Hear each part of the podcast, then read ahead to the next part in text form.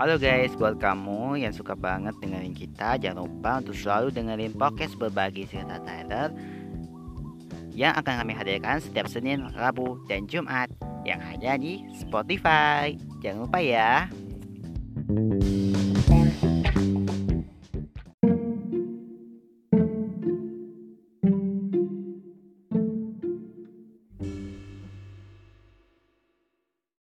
Selamat pagi, selamat siang, selamat sore, dan selamat malam teman-teman di mana pun Anda berada. Bagaimana kabarnya hari ini? Semoga kami dalam keadaan yang sehat dan selalu semangat dalam lindungan maha yang kuasa. Kali ini saya Maraka Sapotka akan hadir menemani kalian di podcast berbagi cerita Tyler yang sudah ada di Spotify. Tayangnya sudah mulai hari Senin, Rabu, dan Jumat ya. Dan Kali ini saya Mataga Saputra akan hadir menemani kalian. Kali ini gua mau bahas cerita sedikit ini tentang ketatukan gua di masa lalu. Gua itu memang takut dengan hal yang ada di posisi di bawah nal gua. Mungkin takut dengan petir, hujan deras, terus juga takut dengan ketinggian, terus juga mengalami hal yang kaku kali sama gitu Kali ini gue membahas tentang takut dengan suara genturan atau suara petir. Jadi, mungkin Anda menderita astrafobia ya. Nah, jadi astrafobia ini adalah ketakutan ekstrim yang muncul ketika mendengar maupun maupun mengilat kilatan petir. Nah, kondisi ini bisa diatasi dengan cara mengikuti terapi pemaparan CBT, DBD, ACT. Teknik manajemen stres, dan hingga pengobatan anti kecemasan. Nah, bagi sebagian orang, menyaksikan sambaran petir di kala hujan dapat memberikan kepuasan tersendiri dalam hati. Namun, tidak sedikit juga orang yang merasa ketakutan saat melihat mereka itu melihat kilatan petir. Nah, jika ada termasuk salah satunya, rasa takut petir itu disebabkan oleh kondisi yang dikenal dengan sebutan astrafobia. Astrafobia adalah fobia atau uh, ketatukan ekstrim terhadap petir dan guntur. Nah, fobia ini biasanya dialami oleh anak, namun tak jarang juga terjadi pada orang dewasa. Nah, selain astrafobia, takut petir juga dikenal sebagai istilah. Ada astrafobia, ada astra eh tonifobia, ada protofobia, ada klaunofobia. Nah, rasa takut petir ini dapat memberikan beragam efek samping, mulai dari kecemasan hingga membuat penderitanya merasa lemas, tidak bertenaga. Nah, orang-orang yang mempunyai riwayat kecemasan ini berdepresi dan trauma terkait cuaca berisiko lebih besar menderita astrafobia.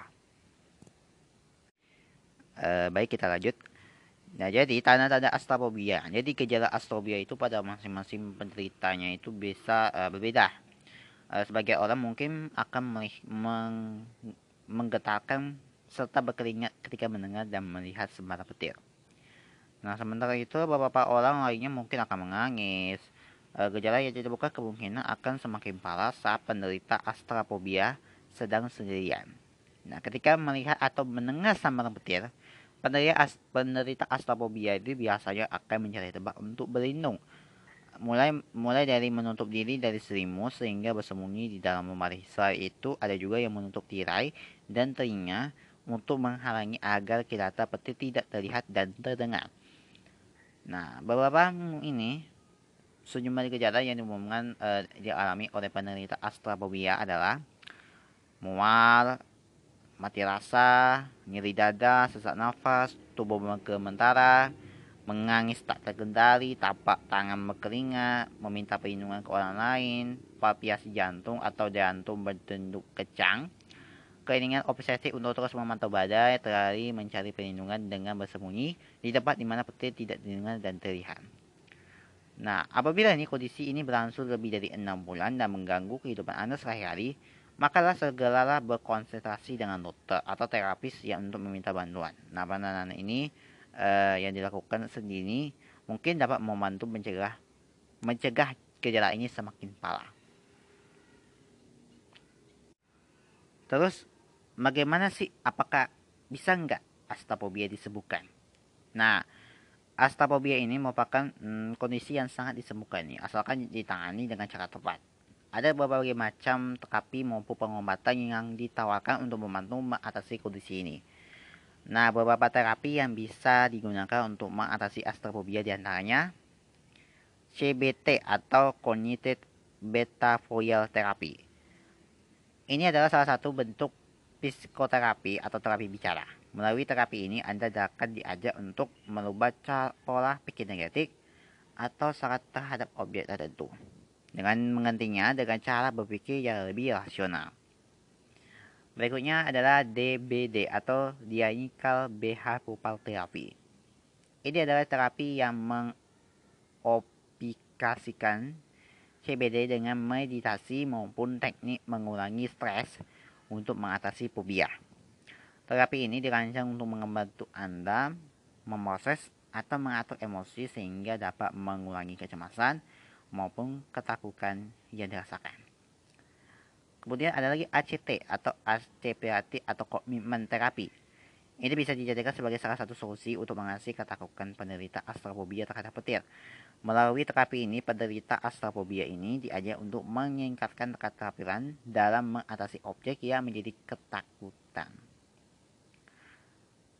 Selanjutnya, exposure terapi. Dalam terapi ini, penderita astrofobia akan dihadapkan secara langsung dengan ketakutan mereka. Dengan exposure terapi ini, penderita astrofobia diharapkan uh, dapat menghadapi uh, dan melangkahkan perasaan takut petir secara perlahan. Lalu kemudian ada teknik manajemen stres.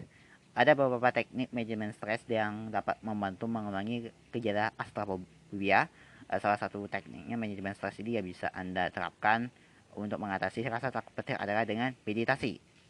Nah, meditasi ini adalah dapat membantu mengurangi dan menghilangkan rasa kecemasan yang ditimbulkan oleh fobia. Selain itu, teknik manajemen stres ini juga bisa membantu uh, mengolah fobia dalam jangka panjang.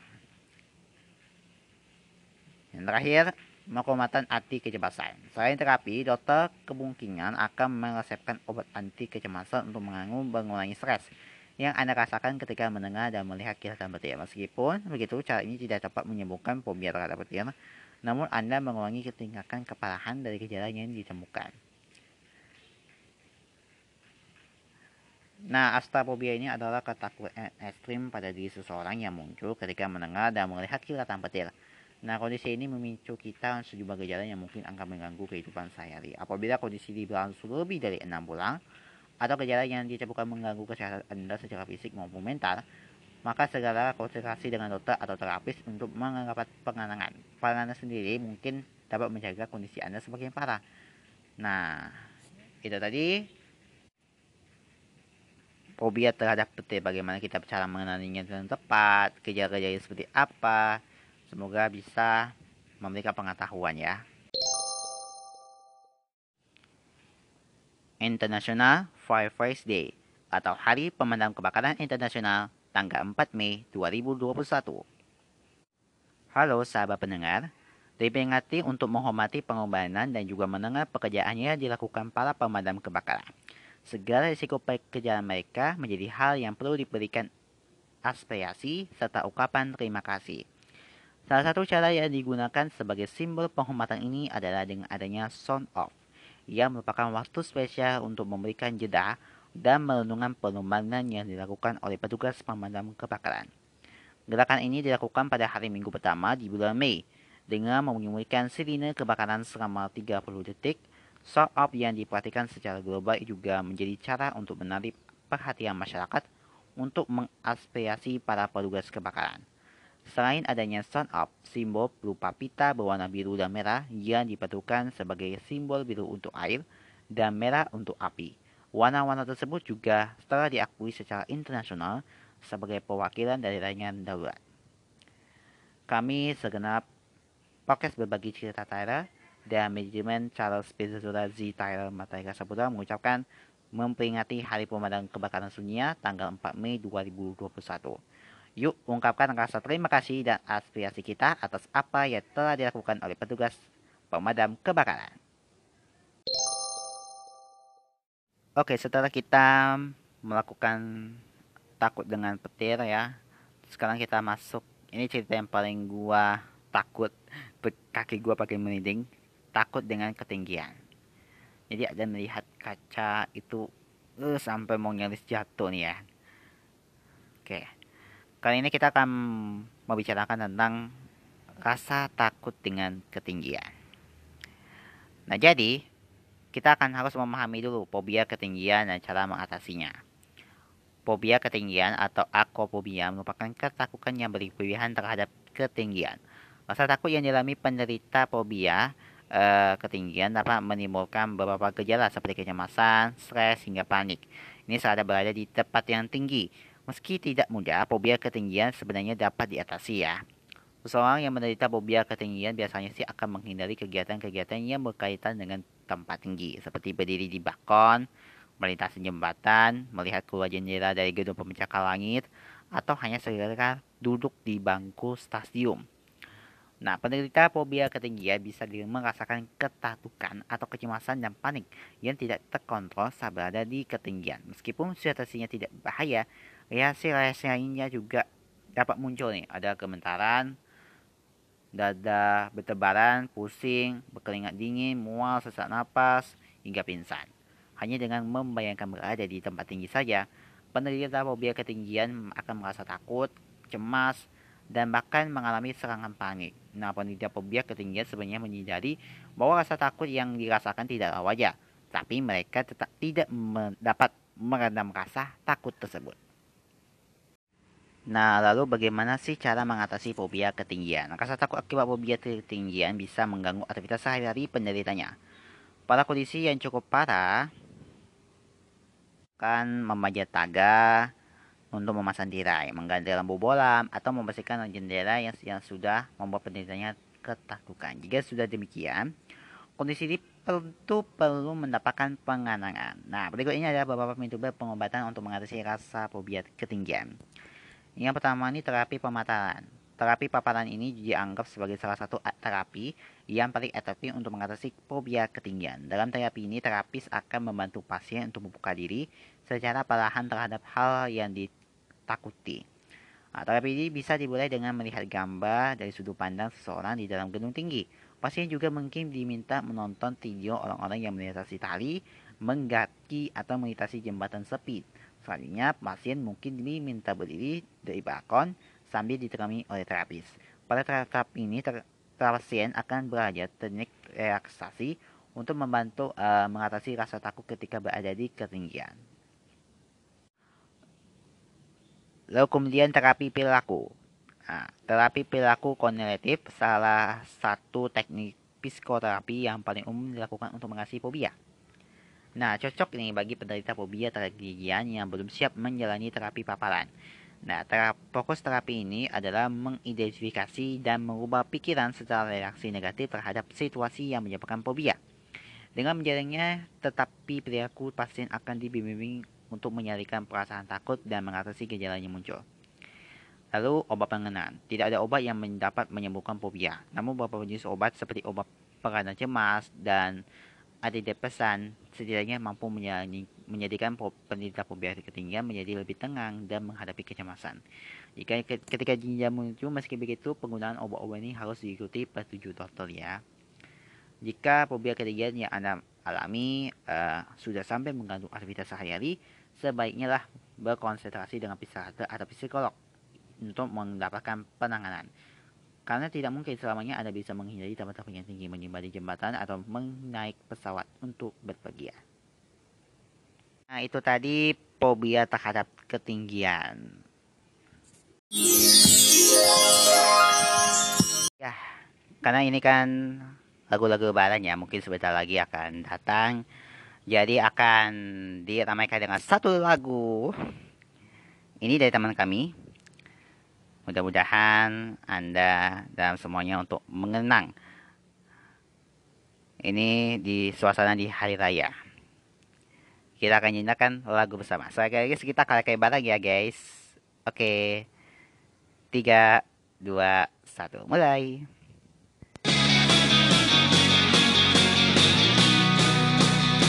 Berlalulah sudah Ramadan Sebulan berpuasa Tiba syawal kita rayakan Dengan rasa gembira.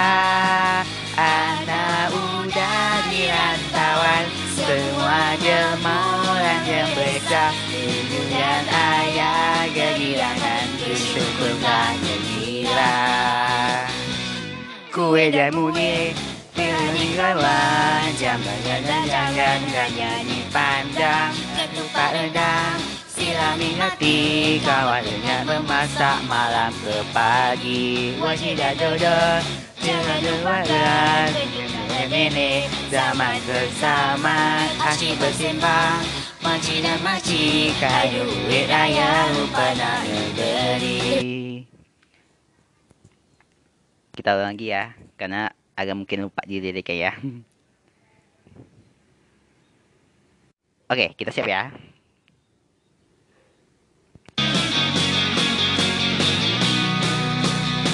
Berlalulah sudah Ramadan Sebulan berpuasa. Tiba syawal kita rayakan Dengan rasa gembira. Anak udah di rantauan Semua gemurannya reza Ibu dan ayah kegirangan Menyuguhkan gembira Kue dan mue Gawa Campurnya jajan Nyanyi pada ketupat rendang. Silawi bati Kawat gajah memasak malam ke pagi Buat tidak jodoh Jangan lupa Jangan ini Zaman bersama Asyik bersembah. Pakcik dan makcik Raya duit raya Lupa dah memberi